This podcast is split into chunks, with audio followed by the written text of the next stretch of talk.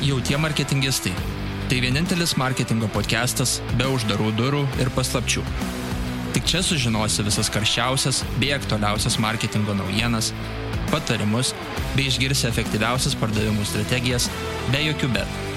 Patirtimi ir naujienomis dalinsis mūsų vieninteliai ir nepakartojami marketingistai Simonas Naudžius ir Paulius Šetkus.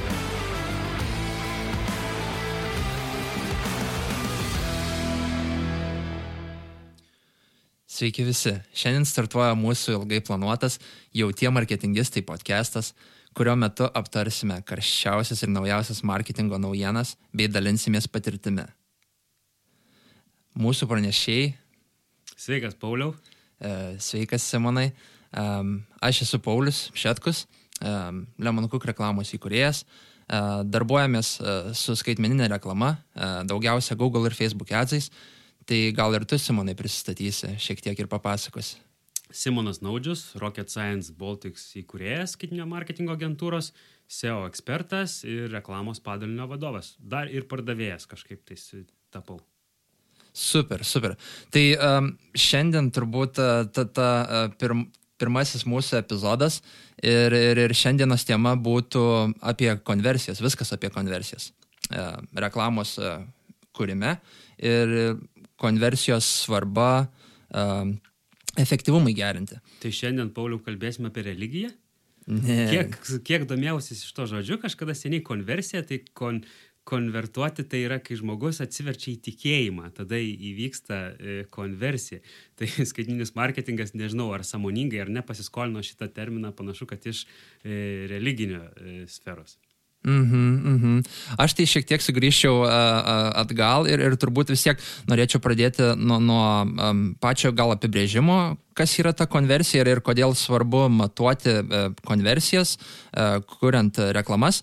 Tai, tai turbūt vienu žodžiu taip paprastai neapibrėšim, kas yra konversija, bet tai metrika, kuri padeda mum matuoti reklamos efektyvumą ir jos gražą verslui pagal, pagal verslo išsikeltus tikslus turbūt taip galėčiau apibriežti. Nežinau, kaip, kaip tu, Simonai.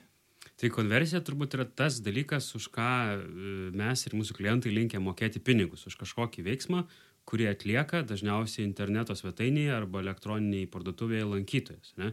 Tada, tai, jeigu mes tai matuojame, suprasdami viso to ribas, limitacijas ir kaip tai veikia, apie tai šiandien ir šnekėsimės, ne? mm, galime priimti teisingesnius ir geresnius sprendimus ir vertinti savo investicijų gražą. Jeigu neturim konversijų sėkimo, jeigu jų nestebim, tada galim labai greitai ant visų pykti, kaltinti, kodėl mūsų pastangos neduoda rezultato. E, tai įsiveskim turbūt žingsnius, ne, kažkokius rodiklius ir, ir matavimo principus, kada tai darom, kaip tai darom, ką įtraukiam, kad žinotume, ar gerą linkmę einam ir taip galėtume pasitelkti, pasitelkti geriausias grow hackingo praktikas, kurios pataria imti vieną kanalą, išnaudoti jį maksimaliai, pasiekti gerus rezultatus, jį palikti, leis važiuoti toliau ir tada judėti prie kitų kanalų. Mhm, mhm. Įdomi, įdomi. O dabar galvoju, tada perinant gal, gal prie kitos temos šiek tiek, kokie būtų e, pagrindiniai e, konversijų skaičiavimo metodai ir technologijos. Tai iš savo pusės turbūt, ką galėčiau e, paminėti šiuo, šiuo klausimu, tai būtų turbūt labai svarbu visų pirma, prieš pradedant sekti konversijas, svetainiai susinstaliuoti visus reikiamus įskiepius. Tai, tai čia būtų um, Google analitiko irgi įskiepiai, uh, Facebook pixelio įskiepiai. Jie visi tie įskiepiai padės mums matuoti tas nusibrieštas uh, konversijas ir taip galėsim jas sekti. Um, kitas dalykas, turbūt labai svarbus, dirbant su socialinė medija daugiau, tai būtų um, tiek Facebookas, tiek, tiek e, kiti kanalai, Instagramas, jie turi savo vidinės e, metrikų sėkimo e, platformas, kur tiesiogiai gali matyti, kaip srautas reagavo, kuris nuėjo, kokias konversijas įvykdė, kiek paspaudimų ant įrašo paspaudė ir, ir, ir panašiai. Čia gal aš norėčiau truputėlį sterpti ir pakoreguoti tavo kalbą ir žodį įskiepis, kadangi mes mūsų agentūra apjungia du dalykus - ir svetainių kūrimą, WordPress'o ir reklamos. Tai e, turim tos du viename, nes tos IT ir marketingo pasaulį bandome apjungti. Tai įskiepius tengiamės naudoti kuo mažiau ir Ir jeigu tik įmanoma ir jeigu tvarkingai galima įdėti, tai dėti tiesiai per kodą, tiesiai per svetainės failus, dėl saugumo dalykų, dėl atnaujimo dalykų. Tu turbūt tą įskiepį žodį pavartoji platesnė prasme, ne? Tai kad tiesiogiai klausytojai nesuprastų to, tai venkite įskiepių, dėkite tvarkingai pagal Google instrukcijas ir Facebook, instrukcijas tiesiai į svetainės kodą. Ne? Taip, taip, e, e, čia gal irgi patikslinti šitoje vietoje, tai um, vis tiek turbūt um, um, populiariausi įrankiai naudojami e, konversijų sėkime, tai, tai yra Google Analytica 4 ir, ir Google Tag Manageris. Ir, ir šitoj vietoj turbūt vienintelio tik tais reikėtų um, kodo implementavimo į svetainę, tai būtų Google uh, Tag Managerio ir, ir per Google Tag Managerį tada jau galima viską kitą suinstaliuoti. Būtų va klaida, kaip, kaip, kaip ir tu minėjai, kad um, jeigu visi įskiepiai atskirai eitų į svetainę, kas tikrai būtų uh, blogai. Ir tai dažna, dažnas atvejis, ypač jeigu marketingistas yra pradantysis ar kažkaip, tai visi mes nuo to pradėjom turbūt, ne? Taip, taip, taip, taip. taip. Tai čia gal aš norėčiau dar truputėlį grįžti, tu nuėjai iš karto į techninę pusę, kur yra labai svarbi, bet grįžkim šiek tiek į verslo pusę, į vartotojo kelionį ir į tas mikro ir makro konversijas, ne? Tai Jeigu piltuvėlio viršui, mes turbūt stebėsime srauto kokybę, ne, tai kiek jie pas mus praleido laiko, kiek apskritai atėjo lankytojų, kiek unikalių, kiek naujų. Tada turbūt svarstymo stadijoje galbūt stebėsime, kiek jie praleido laiko, e, jau eisim į kokybę šiek tiek, tada žiūrėsim per produktus, per kategorijas, e, kaip, kaip viskas vyko, ar atsisiuntė, ar kažką pažiūrėjo, ar užsiprenumeravo naujienlaiškį ir tada jau įsigijimo stadijoje, ne, jau mes jau seksim tas makro konversijas, tai bus, nu, jeigu e-shopas, tai pardavimas, jeigu B2B lydsas, ne, ir tada turbūt e, prieš kalbant apie konversijų sėkimų įdėgymą, rekomenduočiau grįžti į visą vartotojo kelionę ir jeigu manoma ją galbūt netgi susisegmentuoti pagal e, produktų grupės ar kategorijas, e, nes turbūt išskirti žmogų pagal, tarkim, daryti piltuvėlius pagal interesų grupės, amžių ar dar kažką gali būti labai sudėtinga. Bet jeigu mes galim, esam įsigrinę dvi, tris tas pagrindinės pirkėjų personas, tai tada mes galim tą visą jų kelionę bandyti sekti ir matuoti uh, šituo būdu, bet tada aišku, mums reikia CRM, mums reikia nu, daug daug duomenų, mums reikia, kad jie subscribintų, kad paliktų savo duomenis. Tai čia gal pasakyčiau tokį pavyzdį, kad pavyzdžiui, į, į labai veikia fokusavimasis uh, į kažkokį, tai tarkim šiuo metu, šį ketvirtį dirbsim su šito produktu arba paslauga, uh, tada mes iš karto tobulinam landing page, galvojam, ko ten reikia dar žmogui, ne, kad jis rastų ir, ir konvertuotų ir liktų pas mus. Ir, pavyzdžiui, būtų pavyzdys toks, tai viena B2B įmonė, uh, kur, gamybos įmonė statybinių medžiagų, Uh, turi stiprų tą distribucijos tinklą, bet kuria turinį galutiniam vartotojam, kad būtų trauka iš rinkos, kad atėjęs galutinis klientas ateitų, sakytų, aš noriu šito produkto, ne? nors gal jam distributorius siūlys visai kitą, ką tuo metu turi geresnę maržą. Tai ką aš čia noriu pasakyti po šitos įžangos, kad tam sprendime, neproduktyvo sprendime, mes įdėjom tiesiog mygtuką atsiųsk savo brėžinį pamatam paskaičiuoti ir mums per pirmą savaitę be jokios reklamos, be nieko virš dešimt žmonių atsiuntė savo brėžinius pamatų.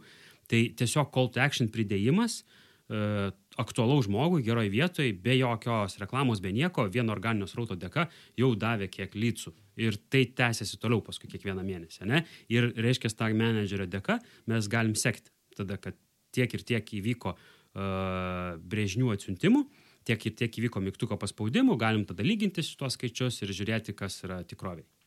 Taip, taip, taip. Pas, paminėjai labai gerus uh, kelis uh, pointus ir uh, turbūt labai svarbu irgi prieš uh, pradedant visus tos konversijos, viską sėkimą, kaip ir minėjai, uh, išsigryninti, uh, kokie yra tavo tikslai pagrindiniai. Tai uh, pagal marketingo piltuvėlį uh, B2B ir B2C sektoriui skiriasi tos konversijos.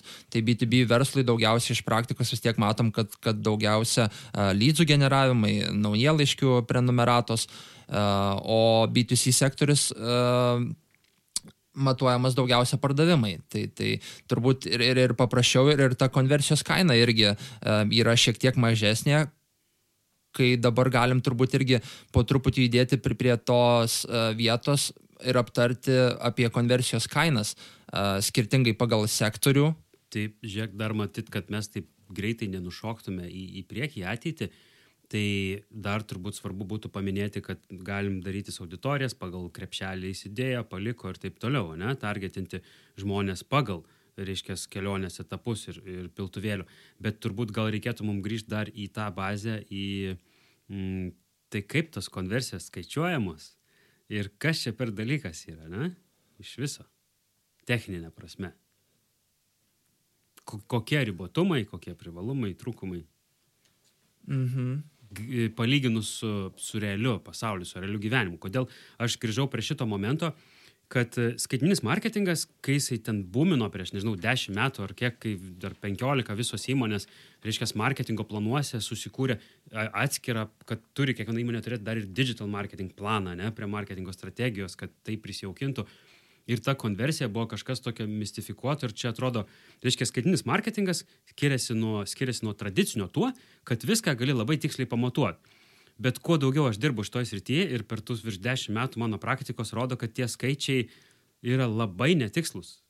Čia dėl to tikslumo, tai taip, ir dažniausiu atveju vieną įrankį pasikliauti net negalima ir neįmanoma. E, jeigu matuoji duomenis konversijas, tuos susiekimus per formą, tarkim, Google Analytica, e, gauni vienus skaičius, o jeigu matuoji per Facebook pixelį, gauni kitus skaičius. Tai labai mėgsta irgi tie įrankiai pasisavinti savo konversijas, kad tu automatiškai investuotum daugiau pinigų į reklamą. Tai viskas sugrįžta į jų verslus irgi. Tai automatiškai šituo atveju tikslių rezultatų iš vieno įrankio tu niekada negausi. Tai tu kaip verslas turėtum naudoti vis daugiau skirtingų įrankių ir, ir jų dėka daryti tas bendras išvalgas ir, ir koreguoti tuos e, planus ateities ir investicijas į reklamą, būtent iš kelių išvalgų ir, ir ne, ne tik iš vieno įrankio. Ir turbūt e, tada nepamiršti tos dedamosios intuicija ir tavo suvokimas ir patirtis. Ir tos, taip. tos duomenys palyginti su savo supratimu, kad tai būtų pagalbinis, net ne vienintelis e, sprendimo prieimimo įrankis, o pagalbinis ir aišku susijęs su realiais duomenims. Tai kiek mes ta, per tą mėnesį gavom tų užklausų, tai kiek realiai. Tai pavyzdžiui, mm, Universal Analytics su, mm, rodydavo, pavyzdžiui, duomenis WooCommerce pardavimo e-shopo, palyginus su pačiam WooCommerce, tai skirdavosi tik tai keliais šimtais eurų, ne, jeigu žiūrim kokį mėnesį. Mm. Tarkim, paskui kas įvyko su G4, tai jisai kreivas šleivas dar tik tai turbūt kūrimo stadijoje, mm. ne, nors jau toj Universal nebeliks. Tai tai mes matom dar kažkokius kitokius skaičius, ne? Tai dėl to mes e, tai turėtume naudoti kaip vieną iš priemonių pri, padedančių priimti sprendimą. Ne? Taip, ir, ir šitoj vietoj turbūt pridurčiau irgi, kad uh, labai dažnas variantas būna dirbant su, su klientais, um, kad realūs duomenys, va, kaip ir minėjai, skiriasi, tad labai svarbi ta komunikacija yra, nes būna atveju, kaip gauni iš kliento, kad pastarąjį mėnesį gavome tik tais 10 skambučių, o Google Analytica rodo ten 20 skambučių. Tai vad būtent labai svarbu išsigryninti tą dalyką ir, ir tiesiog uh, um, nepasikliauti vienu to įrankiu ir, ir, ir, ir ta komunikacija su klientu irgi labai svarbi. Ir išsigryninus tada viską galima, galima tos tikslingus sprendimus priimti. Tai čia dar turbūt mums reikia išskirti dvi temas, tai yra konversija, tai faktas, kad įvyko veiksmas ir dar yra kelias iki konversijos, pats įdomiausias, ne? tai reiškia assisted conversions, conversion path, tai kaip žmogus, kur buvo pirmas klikas, kur pirmą kartą pamatė. Ir anksčiau aš labai buvau tai pasinėręs, tas ataskaitas nagrinėjau ir labai jau jomis rėmiausi, bet kuo toliau dirbu skaitinio marketingė, tuo labiau suprantu, kad šitie du pasauliai, online ir offline, jie ne, nesueina, ne? jie, jie labai persipina, tai reiškia kiekviena platforma.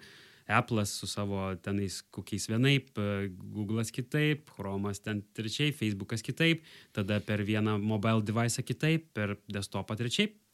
Ir naujasis Analytics'as įgalinus Google signalus jau jisai kaip ir tiksliau rodo. Pavyzdžiui, senasis Universal rodo, tarkim, kad atėjo virš 5000 lankytojų, o dubliuojant duomenis, e, naujasis rodo, kad atėjo ten virš 4000. Ne? Tai reiškia, kad matyt jau jam pavyksta šiek tiek e, ten atskirti, turbūt jeigu tas pats useris prisiloginęs Chrome, Gmail'e ar panašiai, kad vis dėlto tai yra tas pats useris per, per kompą, per telefoną, per viską. O senasis Universal skaičiavo per sesiją, ne, tai kad sesijos trukmė apie 30 minučių, įsodino tau kukį, reiškia, tu čia esi vienas. Ir jeigu tu paskui atėjai po valandos per mobiliaką, jau tu esi kitas. Ne? Tai vien ten mes turėdavome tokių nesutapimų.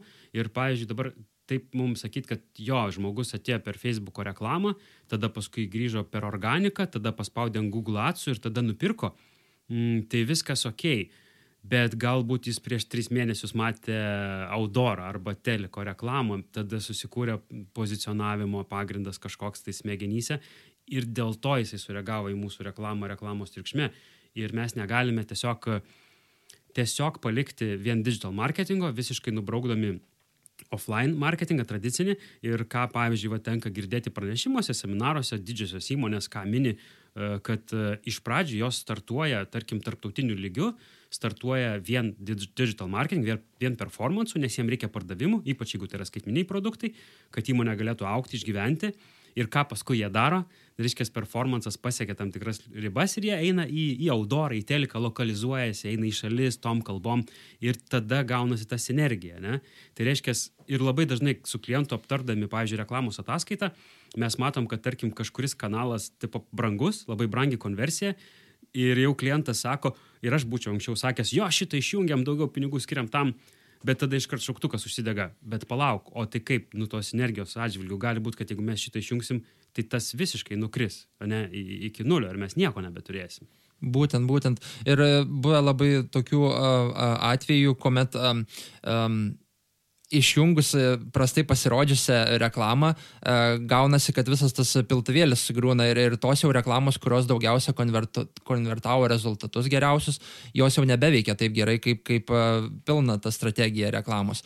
Ir vat, būtent dar turbūt pridėti prie tos vietos norėčiau, kad e, šiam skaitmeniniam amžiui ta vartotojo kelionė taip yra išilgėjus, o kaip ir minėjai, e, nuo netradicinių kanalų į, e, į skaitmeninius reklamos kanalus ir, ir, ir tu jau dabar su tais įrankiais pilnai nebegali sekti tiksliai tos kelionės, nes nežinai, kur iš tikrųjų prasidėjo ta, ta vartotojo kelionė. Gali su tavim susipažino tavo verslu per skrajutės kažkokias pašto dėžutėje, ar, ar, ar galbūt eventas kažkoks buvo organizuojamas.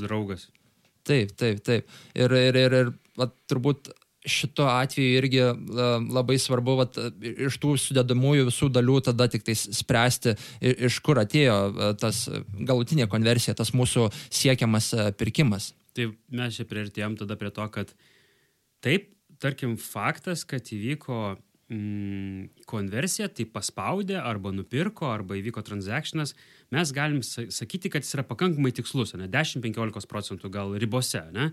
E, nu, aišku, kai rodo, kad įvyko 20 skambučių, bet įvyko 10, nu gerai, tarkim, sakykim, paspaudė ant reklamos, bet nebaigė skambinti, ne, nu, numetė ragelį, tarkim, nu gerai, nurašykim taip, bet vis tiek, nu, jau per didelis procentas 10. Čia labai, labai svarbu irgi turbūt kaip, kaip e, matuoji. Tai vat, e, turėjom kelis irgi variantus darbuojantis su kitais klientais, kur e, matuojam skambučius ir klientas iki šiol matavo skambučius paspaudimu ant teksto.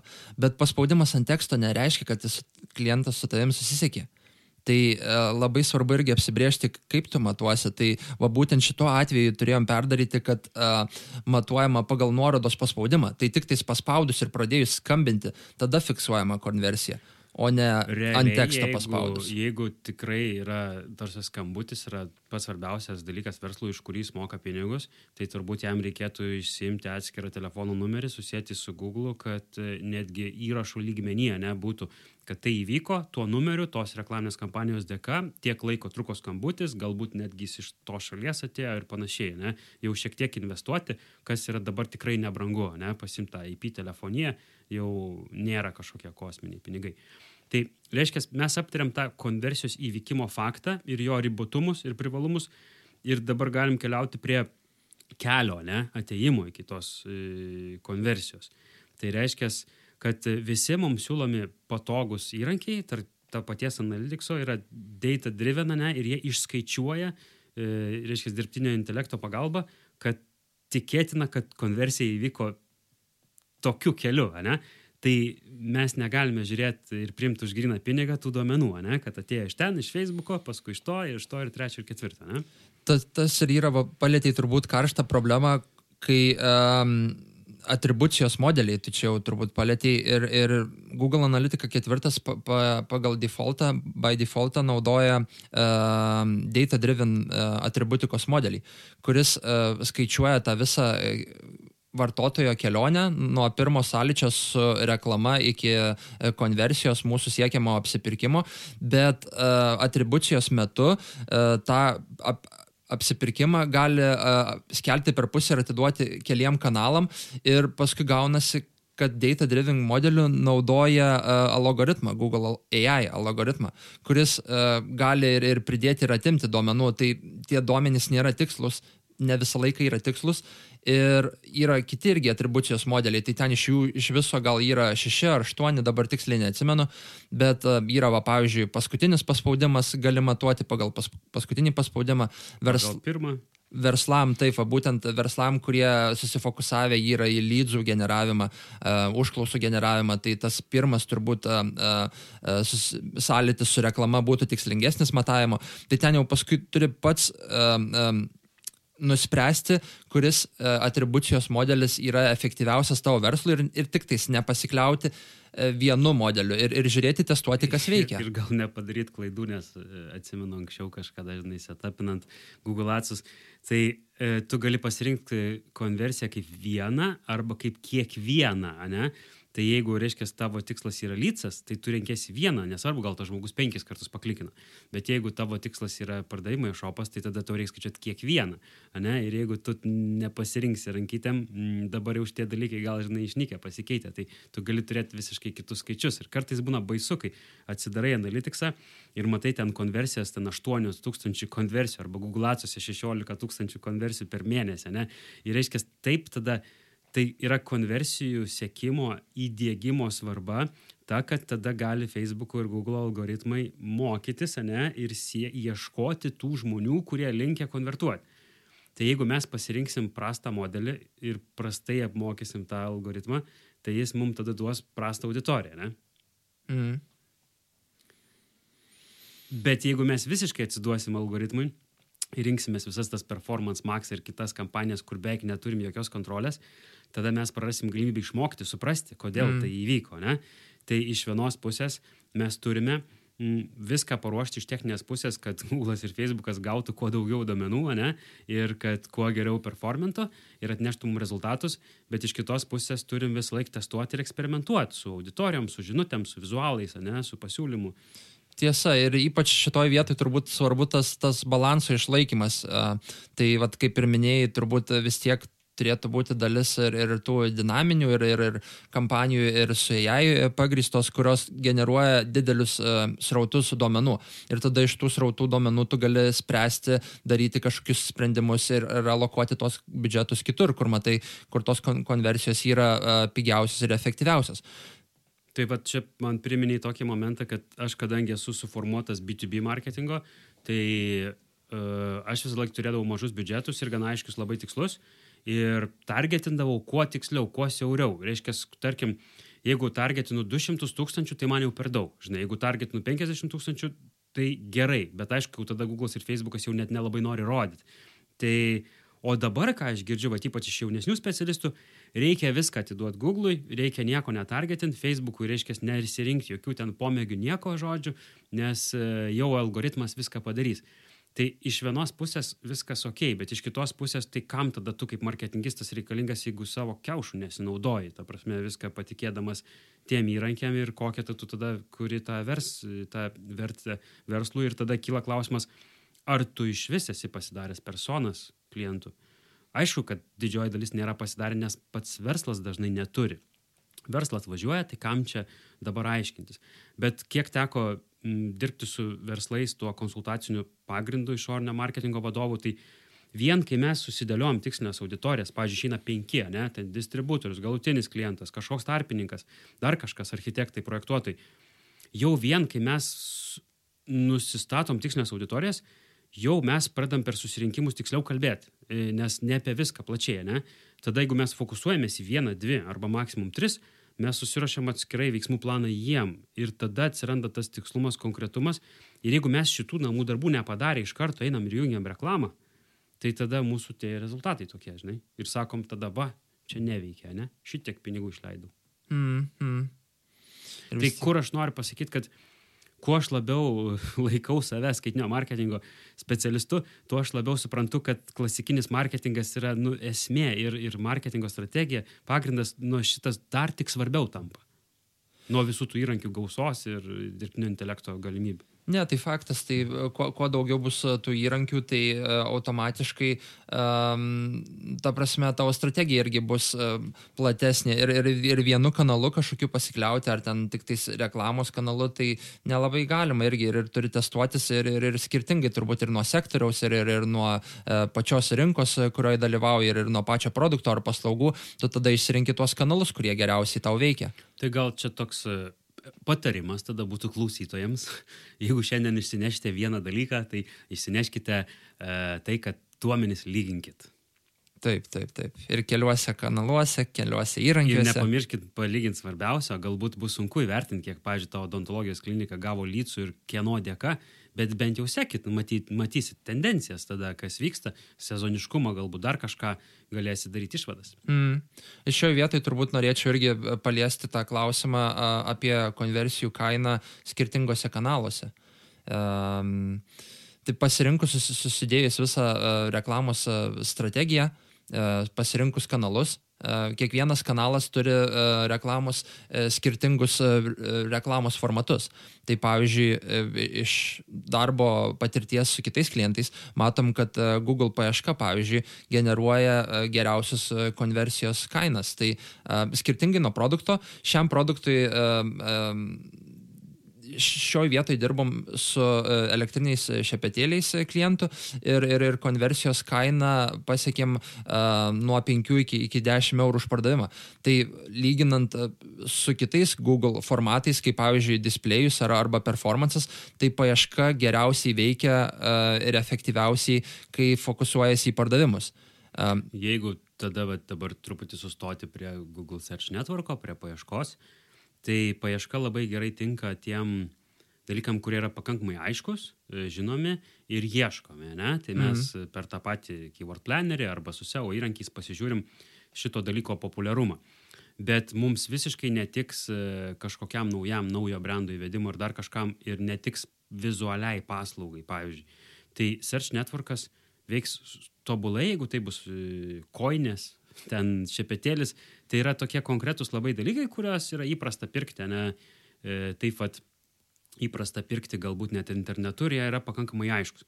Bet pavyzdžiui, tarkim, biurų nuoma.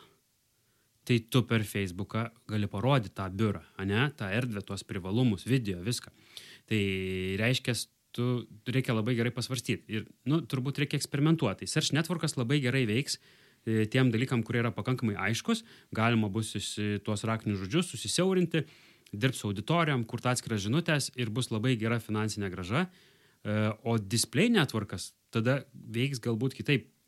Kai reikia, pavyzdžiui, įvesti naują produktą ir mes norim, kad tą maisto papildą matytų visi kuo daugiau įlysti į žmogaus galvą, parodyti jam bent, bent 10 kartų, bent 15 kartų per ten savaitę ar mėnesį tą, tos vizualus, tą logotipą, tą produktą, Tai čia jau, e, tarkim, tikėtis, kad e, display networkas ir banerių parodimas mums duos daug konversijų, tai nereik, neturėtų turėti reikėtų tokio tikslo, ne? Mm. Bet jeigu mūsų tikslas yra brand awareness, žinomumas, tas share of voice ir įvedimas, tai mes turėtume bent 2-3 mėnesius leisti tas display kampanijas.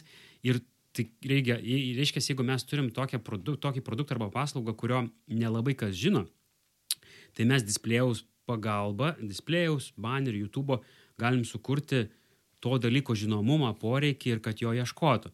Bet vėlgi, aš tada vien nu, ne, nepasikliaučiau display networkų, jungčiau tada reklamą, radio reklamą ar teleką ar kažką YouTube, kad būtų įvairesnis tas e, turinys.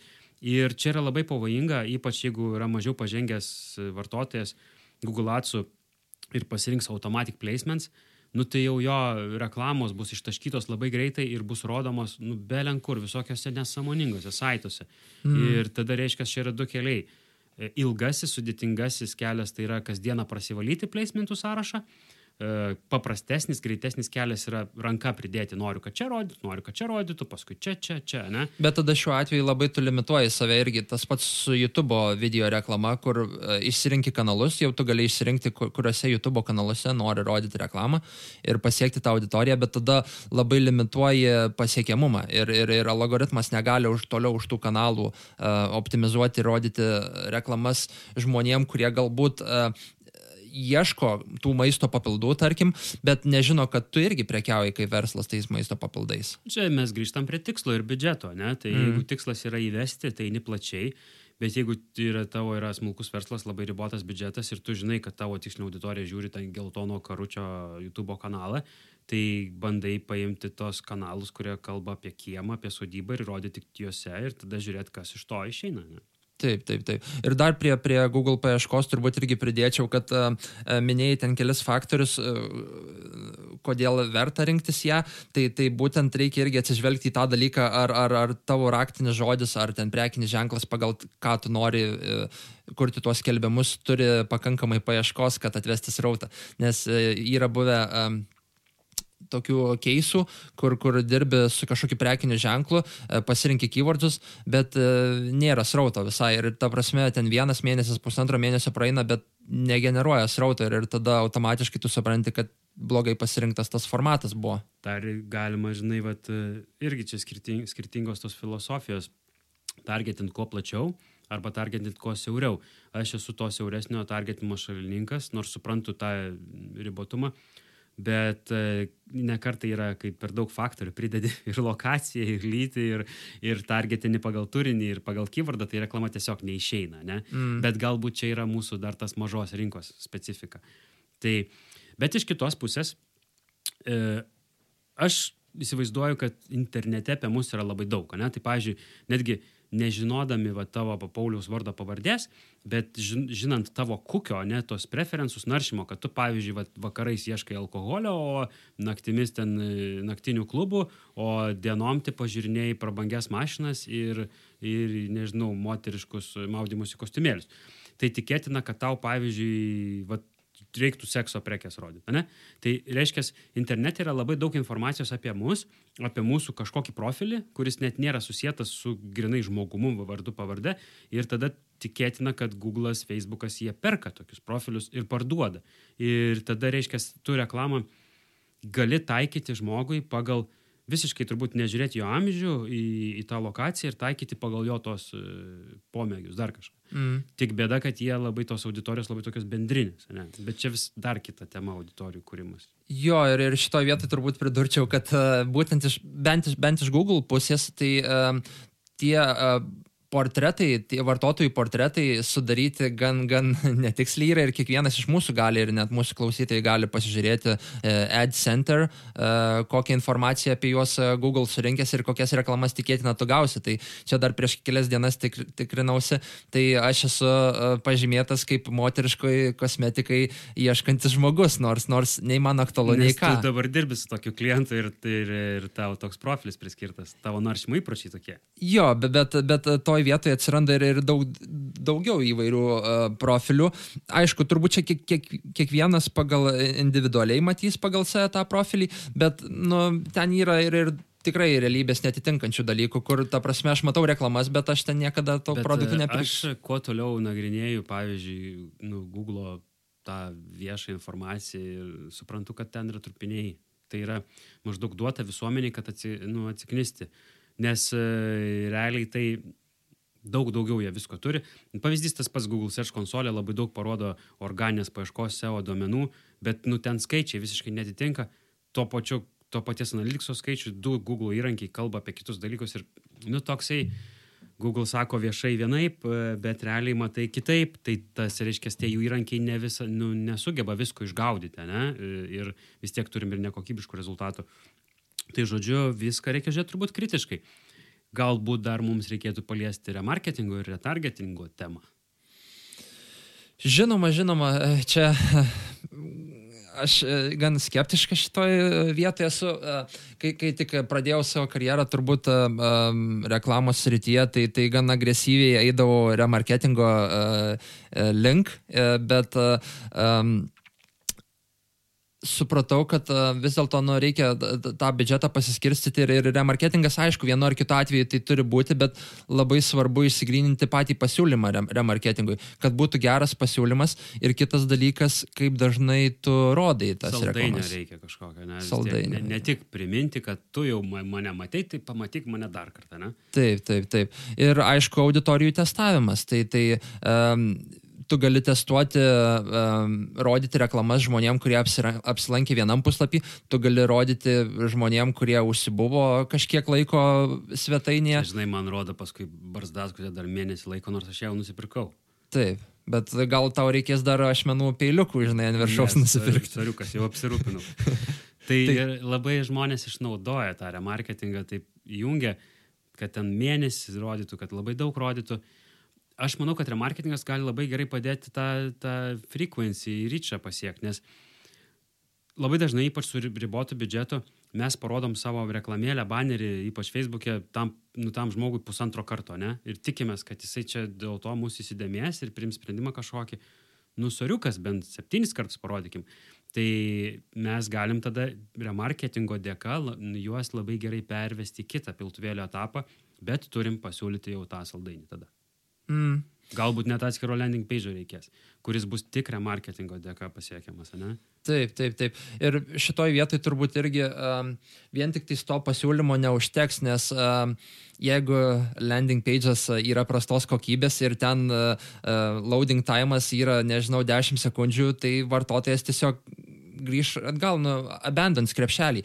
Nu, Ta prasme, tas pasiūlymas gali būti kosminis, bet jeigu tavo svetainė sulaužus yra, tai niekur toli Vakar nenaisi su tuo. Bendravom su klientu ir e, pas juos custom sistema, custom shopas ir e, serverį keičia jau trečią kartą, nes matyt suvalgo labai daug resursų, ateina daugiau lankytojų, ypač jeigu gal koks pasiūlymas paleistas ir tada jo, krepšelį laukia virš 10 sekundžių ir didelė dalis dropina.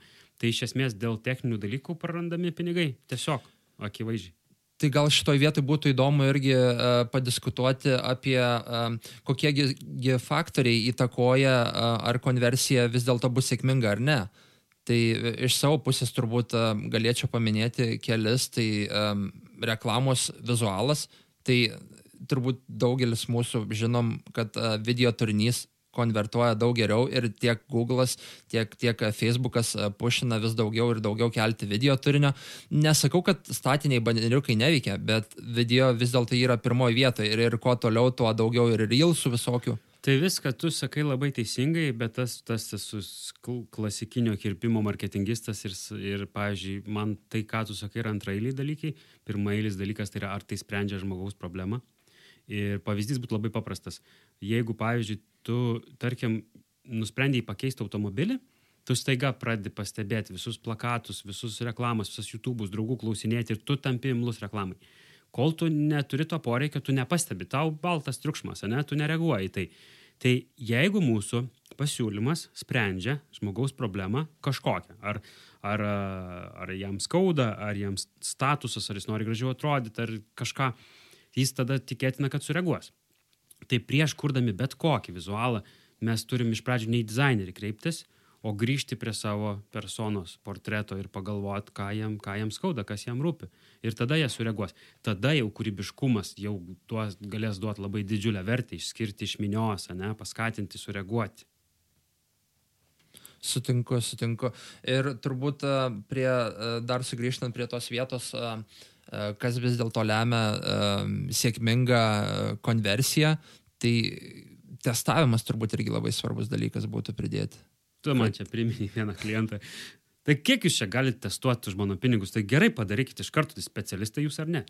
Nu, Tai reiškia, tai yra dalis klientų, kurie bijo to žodžio testavimas, bet turbūt, e, turbūt jis taps po truputį normą, nes baigėsi tie laikai, kai užtenka produktą tik pagaminti. Dabar yra daug sunkiau jį parduoti tokioj didžiuliai pasauliniai konkurencijoje, ne, kai transportavimo kaštai mažėja kiekvieną dieną, ne, dėl visokiausių nu, inovacijų, visko. E-shopai, Amazonai turi sandėlius čia vietoj ir delivery ten sim tą pačią dieną arba kitą, ne, net e, tas pats pigų LT, tipo, aš re, realiai ieškau prekės ir pavyzdžiui, man ta prekė labiau patinka, labiau patinka kaina, bet matau, kad po bus dviejų savaičių, tai aš jungiu vėlniop, jungiu filtrą, kad pirksiu tą, kas yra sandėly, ne, ir perku tik tą, kas bus rytoj, ir netgi pagal tai nusiperku gal net nebūtinai mano poreikius atitinkantį tipo daiktą ir galbūt brangesnį, bet vien tik tai dėl to, kad aš rytoj nuvažiuosiu jį nusipirksiu. Tai kažkoks tas noras va čia ir dabar, ne, e, turėti, tai reiškia, aš nenoriu važiuoti į fizinę parduotuvę ir apžiūrinėti rinktis, nes man patogiau internetu, bet aš, reiškia, galbūt paukosiu kokybę ar kažką ir nepačipinės nusipirksiu, kad galėčiau rytoj atsimti, ne? Mm. Tai čia, reiškia, yra, mes galim labai daug e, išleisti pinigų kliento pritraukimui. Bet jeigu apie tą prekę bus labai siaura informacija, nebus aprašymo, mangi kyla klausimo, eina ten varštai prigręžti, ar neįeina, ar ta prasme ten atlaiko kažkokias apkros, ar neatlaiko. Ir jeigu pardavėjas patingi tą informaciją sudėti, tai aš tada ieškosiu toliau, ieškosiu kito kanalo, kuriame bus aiškiau parašyta, ne? Tai tu turbūt čia vedi, vedi jo prie to turinio ir, ir tada kaip kokia svarba yra įsigryninti tą e, reklamos žinutę. E, turbūt dažnas irgi, e, dažna problema verslo būna, kad jie ateina su daugeliu žinučių ir mes geriausi ten, ir mes geriausiai tą darom, ir mes žinomiausi, ir, ir ten geriausiai, ir geriausiai. Arba atvirkštinis dalykas - nežino.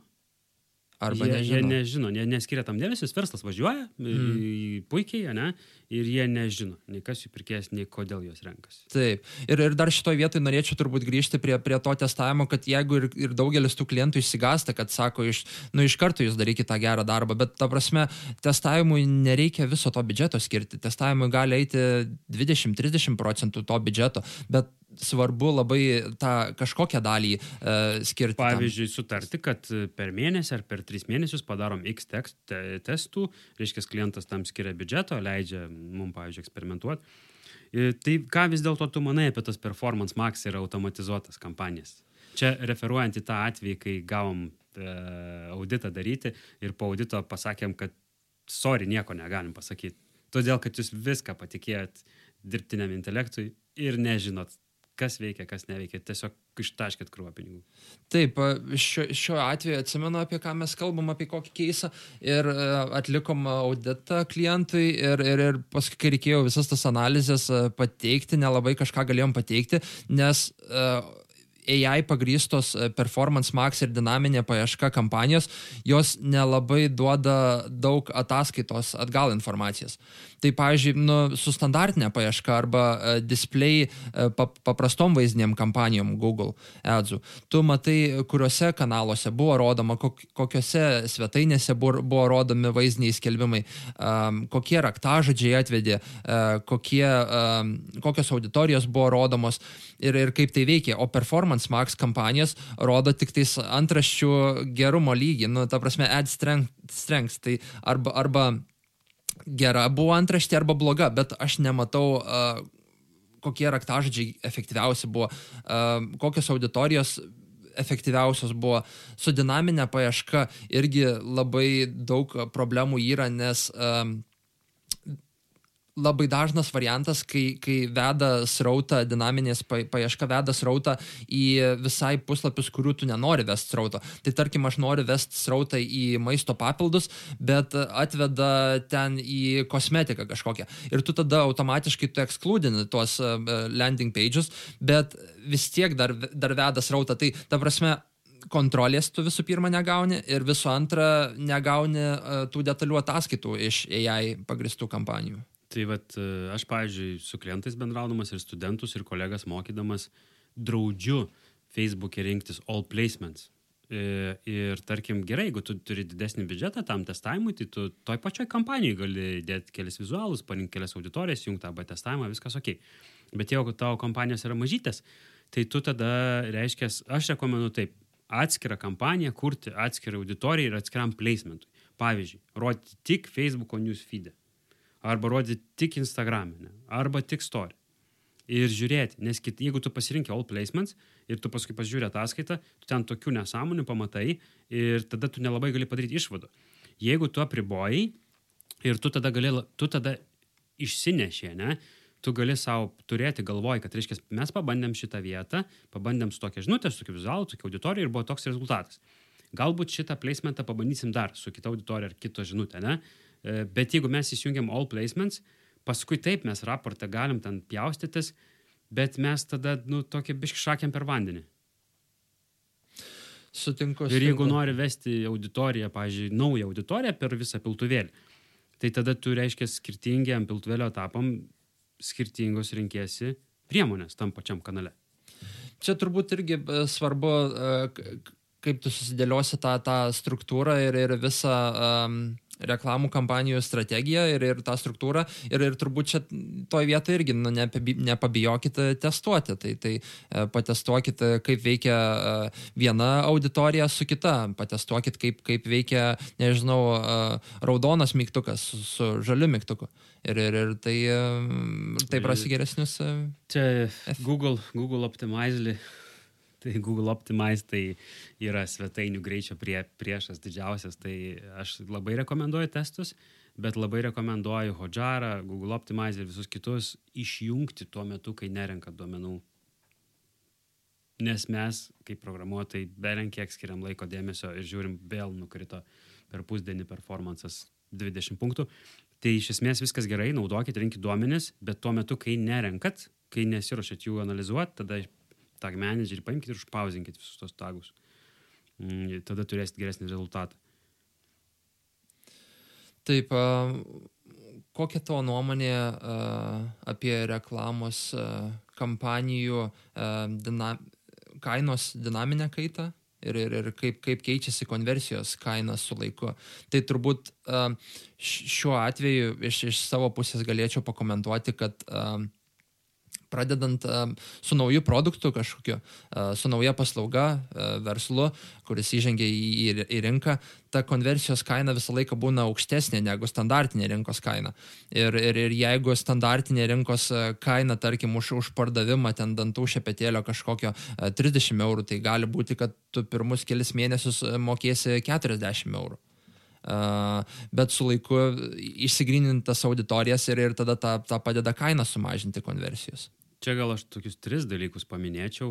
Tai vienas dalykas, kad kai kuriam klientams strategijas, tai imam visus kanalus, e, ne vieną. Ir jeigu klientas sako, norim vieno kanalo strategijos, o tik Facebook arba tik Google Adsų, tai mes net nedarom tokios paslaugos, nes tai yra, nu, mes turim tą srautą atsiversti įvairiais būdais ir paskui jį e, siūsti toliau konvertuoti iš įvairiais kanalais, nes mm, galbūt iš vis mūsų auditorija net nesėdi. Ne? Nu, ta prasme, tai mes turim pagalvoti plačiau visų pirma ir įtraukti daugiau būdų pasiekti savo tikslų auditoriją ir taip įtakosim labai stipriai konversijos kainą. Tada e, antras dalykas, tai aš matau, kad per laiką konversijos kaina mažėja, nes irgi atsifiltruoji, tobulini žinutės, viskas grina tos auditorijos. E, aišku, vėl, pavyzdžiui, bandai kažkokią naują auditoriją, tai dėl to nereikėtų iš karto po ten penkių dienų ar po savaitės jau kelt alarmą, kad labai didelė konversijos kaina ir dėl to mes visą laiką rekomenduojam tą trijų mėnesių testavimo laikotarpį, po kurio jau kažkokie dalykai nusistovi. Ne? Tai nereiškia, kad tu tris mėnesius nieko nedarai, tai reiškia, kad tu stebi mažiausiai kas savaitę arba dažniau e, detalės ataskaitas darai kas mėnesį ir labai gerai matai tą dinamiką, ne? nes matosi, kad e, kaip buvo prieš savaitę arba kaip buvo kas prieš mėnesį. Ir aišku, turiu omeny, kas buvo daryta kitaip. Ir trečias dalykas, pavyzdžiui, sena Google Adsų paskyra visada turės pigesnį CPC negu nauja dėl istorijos. Bet jeigu ji bus naudojama, jeigu, buvo jeigu, naudojama. Tai, pavyzdžiui, jeigu klientas, tarkim, ateina ir nori pakeisti partnerį arba nutraukti santykius, visada rekomenduojam išlaikyti tą paskirtą, jeigu įmanoma. Jeigu neįmanoma, tada taip, jau tada kurkit naują. Bet kuo mažiau naujų paskirų su Facebook'o, naujais ad accountais, naujais Business Manager accountais, taigi net yra ribojimų, kad ten pirmas tris dienasgi negali nieko rimtesnio keisti. Tada nedaug dievė, tu sugalvosi prisijungti su ten fakeiniu useriu valdyti tą accountą, tai iš karto blokus gausi. Tai dėl to, reiškia, tas savo akauntus prižiūrėkim, e, nedalinkim prisijungimų į kairę į dešinę, saugokim mane ir, mm. ir, ir laikykime jų nurodymų. Tai irgi įtakos mūsų tada kainą, ne? Mm. Ir mažiau šansų gal bus, kad vidury, reiškia, cyber mm, Tuesday ar kokių dar išras e, nebus išjungta tavo paskyra.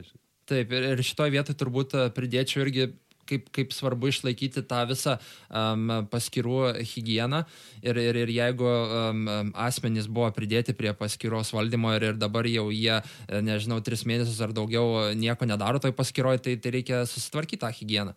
Ir, ir turbūt kitas dalykas irgi, vat, paminėjai, kad kuo, kuo senesnė ta paskyra, tai tuo, tuo geriau, bet automatiškai turi būti ir naudojama tuo laiku bent minimaliai, nes tu tik tais nustosi naudoti paskirtį, nustosi leisti reklamas ir algoritmas daugiau nebesimokys. Ir yra tokių atvejų irgi buvę, kai um, per, per tos Cyber Monday ir visokius Black Friday, kaip paminėjai, uh, klientas buvo pridėjęs tik tais vieną banko kortelę ir nepavyko nusiskaitimas už reklamas. O dabar karščiausias sezonas yra, tu nori, kad reklamos suktųsi 2x kartus. Neįmetė ten to 100 eurų ir viskas uh, užsikirto. Ne? Ir viskas sugriuvo. Ir pakeisti jo. tą kortelę netoks lengvas procesas dar. Ne, ne, ne, ne, ne. ir užtrunka laiko. Teko, jo, jo, nes iš tos kortelės negali nuskaičiuoti neleidžia pridėti naujos, nes yra nebaigtų operacijų ir tu ten bendrauji su suportu. Sukiesi, kai žiūrkienas tam rate. Arba, pavyzdžiui, svetainė užlūšta vidurį, reiškia, išpardavimo. Labai A. dažnas atvejis, va kolega mano Šarūnas paskui gelbti naktim, naktim, naktimis e-shopus. Tai Dar ką turbūt norėčiau paminėti, kad teikiant klientam reklamos ataskaitas paradoksas, bet 8 procentų kalbos būna paskui apie landing page ir apie turinį, o ne apie reklamą. Nes e, yra dalis klientų, kuri dar galvoja, kad žmogus konvertuoja reklamos dėka. Ne, reklama tik sužadina ateiti. Ir socialiniai tinklai labai gerai veikia, jie sužadina ateiti. Kaip anksčiau, tarkim, būdavo senais laikais teliko reklama, pamatėjai daiktą, nuvarėjai į parduotuvę arba atsiuntė tau katalogą, užsakėjai tą daiktą. Tai bet dabar yra taip, kad tave, reiškia, sužadina, sudomina, tu tada pradedi researchinti, domėtis ir tu tada paskui nusiperki. Tai ir visa tai vyksta landing page ir aplinkui jį. Galbūt jeigu tu ieškai tos kalbenkės, tai tu nori paskaityti straipsnių, kokie čia jų privalumai, trūkumai, tai dydžiai, turi, elektra, garsumas, ten a, bus galima ant viršaus džiovyklę dėti ar ne. Tai reiškia, reikia turinio ne tik apie patį produktą, ne tik kategoriją išsamaus turinio, kad galima būtų išsirinkti, bet ir reikia dar aplinkui turinio, tai unboxingas, kaip naudoti, ne, ten žalumas ir visi kiti dalykai. Tai, tai jeigu mes norim mažinti konversijos kainą, tai mes turim reiškia, dirbti su, su auditorija ir su turiniu, kuris atsako į auditorijos klausimus ir problemas. Nes jeigu mes turim superinę reklamą, kuri nukreipia į titulinį puslapį, pavyzdžiui, kuriame net nėra tos prekės, iškart nesimato, ne, nu, tai dar yra vis tokių atvejų ir čia yra pats pats pats pats blogiausias dalykas, nes tada neveikia, tada brangu ir tada atrodo, kad skininis marketingas yra šlamštas. Mm. Bet čia turbūt vėl sugrįžtam į, į tą dalyką, kokie tie faktoriai uh, lemia tą e, efektyvų, uh, efektyvę konversiją, efektyvę reklamą, kad, kad įvyks tas pardavimas. Tai, tai tas pats turinys, vizualas. Labai svarbi irgi žinutė. Dažnai galvojama, kad žinutė. produkto kaina, bet vat, mūsų, mano anksčiau paminėtas pavyzdys su, su pigu, tai yra, kad kaina kartais tampa antrailiu ir trečiailiu. Galbūt tu kainą pažiūrėsi kaip pirmą faktorių, bet palyginęs, tarkim, produkto parametrus arba pristatymo sąlygas, tada ta kaina pasikeis. Ir, pavyzdžiui, čia pavyzdys būtų perkant automobilį.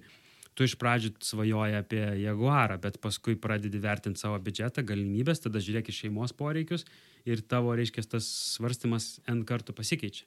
Bet kaina mūsų rinkoje, aš vis dėlto oponuočiau čia, kad yra gan svarbu, jeigu tu nedirbi su, su uh, premium segmentu, tai kaina yra tikrai svarbu ir, ir, ir turbūt iš darbo su, su kitais klientais matom tą uh, judėjimą, kad uh, akcijas keičiam kas mėnesį. Ir, ir naujas mėnuo, naujos akcijos. Ir kaip tik pakeiti tas naujas akcijas, taip srautas ten ir nueina ties tom akcijom. Tai turbūt keli uh, dalykai, uh, kur kaina yra svarbu, tai kai produktai uh, kažkokiam tam range yra kainos, tai tarkim iki 100 eurų, gal jau nuo 100 eurų nebe taip įtakoja tą kainą. Nuolaidos kodai tie patys labai efektyvu yra irgi prie pasiūlymų. Dar kas įvyksta, kad verslas labai dažnai sumoka, nu, gana daug už tą pritraukimą kliento ir paskui su juo toliau nedirba. Tai bent jau paprašykim, kad tą newsletterį paliktų, duokim saldainį, ir bildinkim savo kanalus, kad mes paskui galėtume tiesiogiai bendrauti. Ne? Čia turbūt, kur atsiranda tas, e, e, nu, gal nežinau, ar taip galima sakyti, bet kliento trumparegiškumas. Jie nori e, efektų čia ir dabar. Jau rytoj mes norim tų pardavimų, jau poryt mes norim ten būti kiečiausi ten savo regione.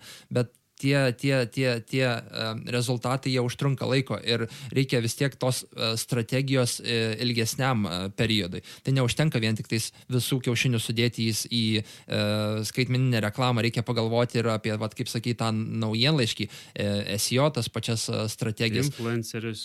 Influenceriai. Turinys kad, ir taip toliau. Taip, kad, kad išlaikyti ilgesniam tą vartotoją. O čia GPT tau įrašo antraštės jau ar dar ne? Naudoju, naudoju, bet, e, bet problema yra su, su ChatGPT, kad e, ta prasme, e, paprašęs parašyti antrašties, tu negali jos e, naudoti galutiniam variante. Tai tau čia GPT gali būti kaip asistentas, kaip man draugas paminėjo, jam kaip asistentas yra. Tai turbūt šitoj vietoje jis gali būti pagalbinis, jis tau duoda kažkokį pirminį tą sketčą, uh, antraščiai kažkokiai, bet tu tada ant viršaus dar perdirbi ją ir, ir pasitobulini ir tik tada gali naudoti. Kitas dalykas, kur, kur gali naudoti čia GPT irgi, tarkim, straipsnių rašyme, bet tau viso straipsnio neparašys. E, neįmanoma tiesiog. Nu, bent šiame etape, kad parašytų sklandžiai visą straipsnį nuo, nuo A iki Z. Tai ką šiuo atveju aš darau, tarkim, tai tada reikia paragrafais e, galvoti blokais. Pasirašai įžangą, pasirašai ten e, tris bodžius ir, ir pasirašai pabaigą. Ir tada vis tiek galiausiai tai nu, pats turėsi viską pereiti, sušlifuoti, sudėlioti į vietas, kad gražiai skambėtų. Tai gal dar grįžtant prie tos tos, tos, tos konversijos kainos gerinimo arba efektyvumo reklaminių kampanijų, tai niekur nepabėgam nuo kliento ir agentūros bendradarbiavimo. Ir komunikacijos. kaip, kaip svarbu komunikacija ir įsigryninti tuos e, visus e, tikslus su klientu kas yra jiems svarbu konversija. Pavyzdžiui, čia ne, ne per seniausiai irgi vienas pavyzdys buvo, kad um, galvojam, kad klientui iki šiol yra labai svarbu uh, skambučiai, bet jiem visiškai nesvarbu skambučiai, jiems svarbu užpildyti formas. Tai, o, o čia atrodo paprastas dalykas buvo, tu galėjai tiesiog susisiekti paštu arba paimti, paskambinti jiem ir, ir paklausti, tai vis dėlto kas yra jums svarbiausia ir ką mes turėtume sekti ir pagal tai optimizuoti uh, reklamas.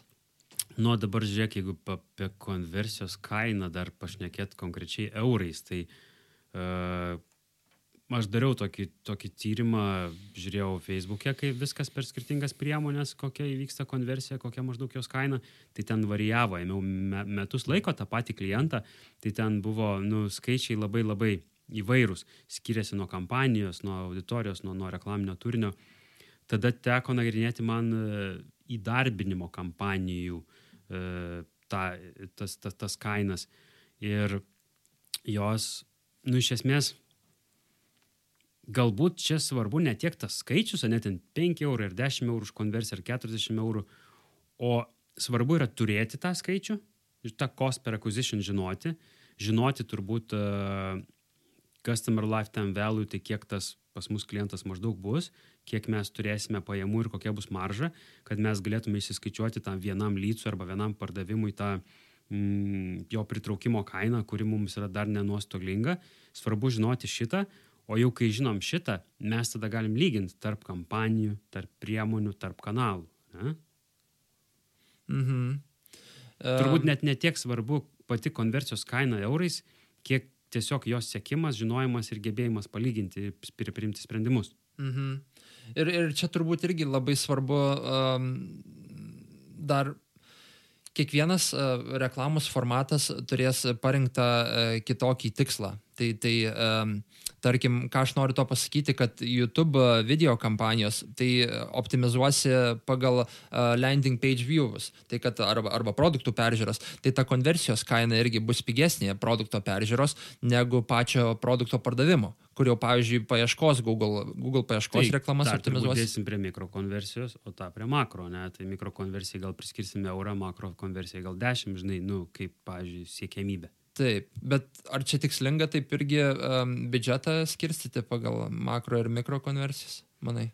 Nežinau, čia tiesiog šoja mintis, kad e, jeigu tu priskiri piniginę vertę, tai tu gali tada, nu kaip tu įvertinsi, pavyzdžiui, to, nu, toliau e, tą, tą kanalą, žinai, jo efektyvumą, vis tiek tu kažkokius kriterijus turėsi įvesti.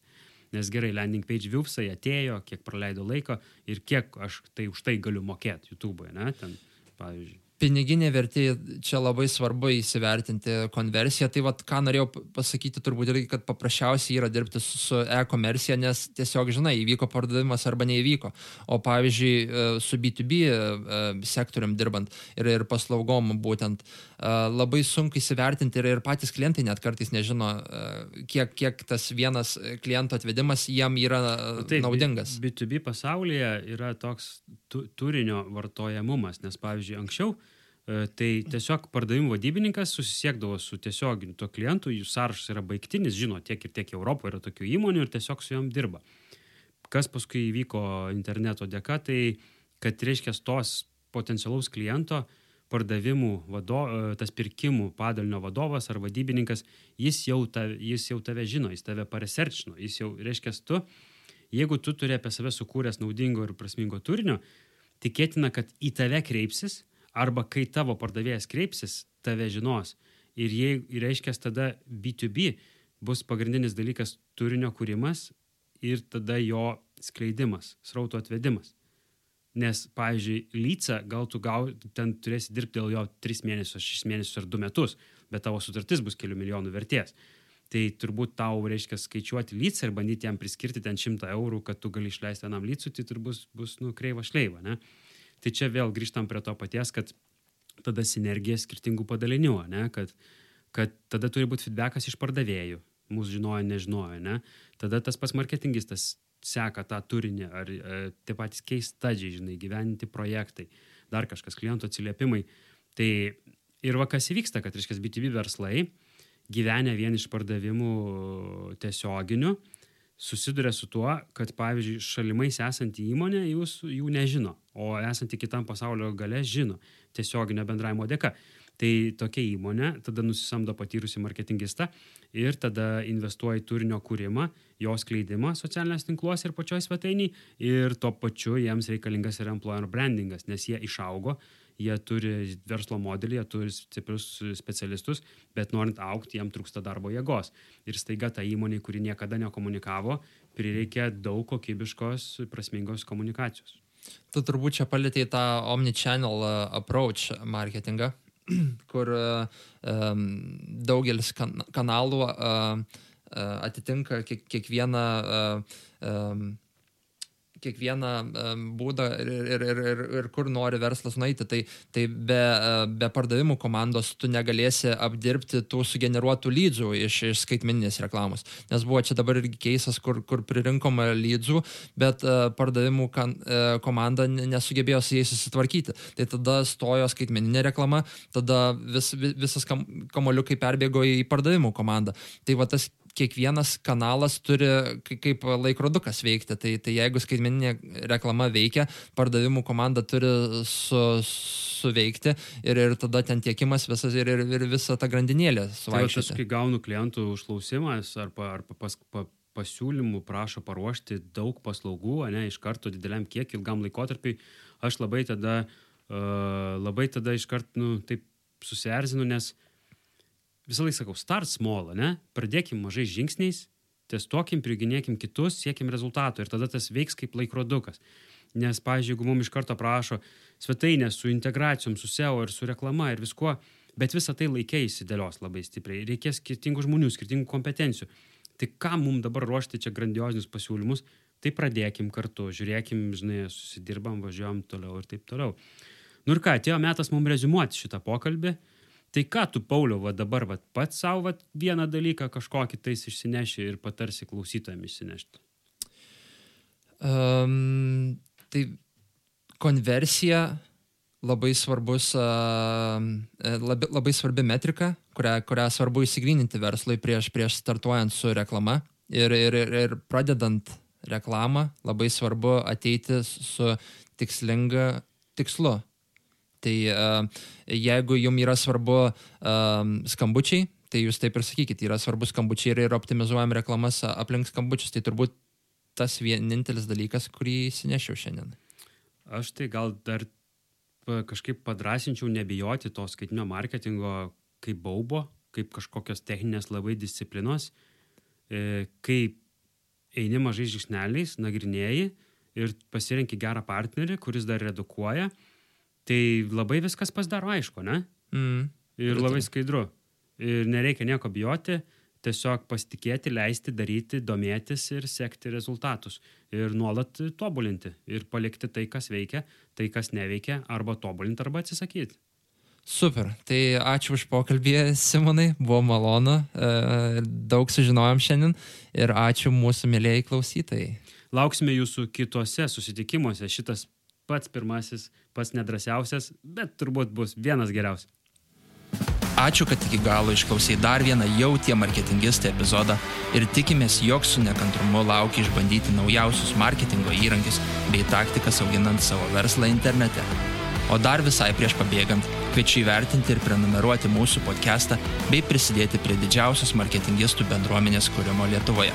Tam kartui tiek.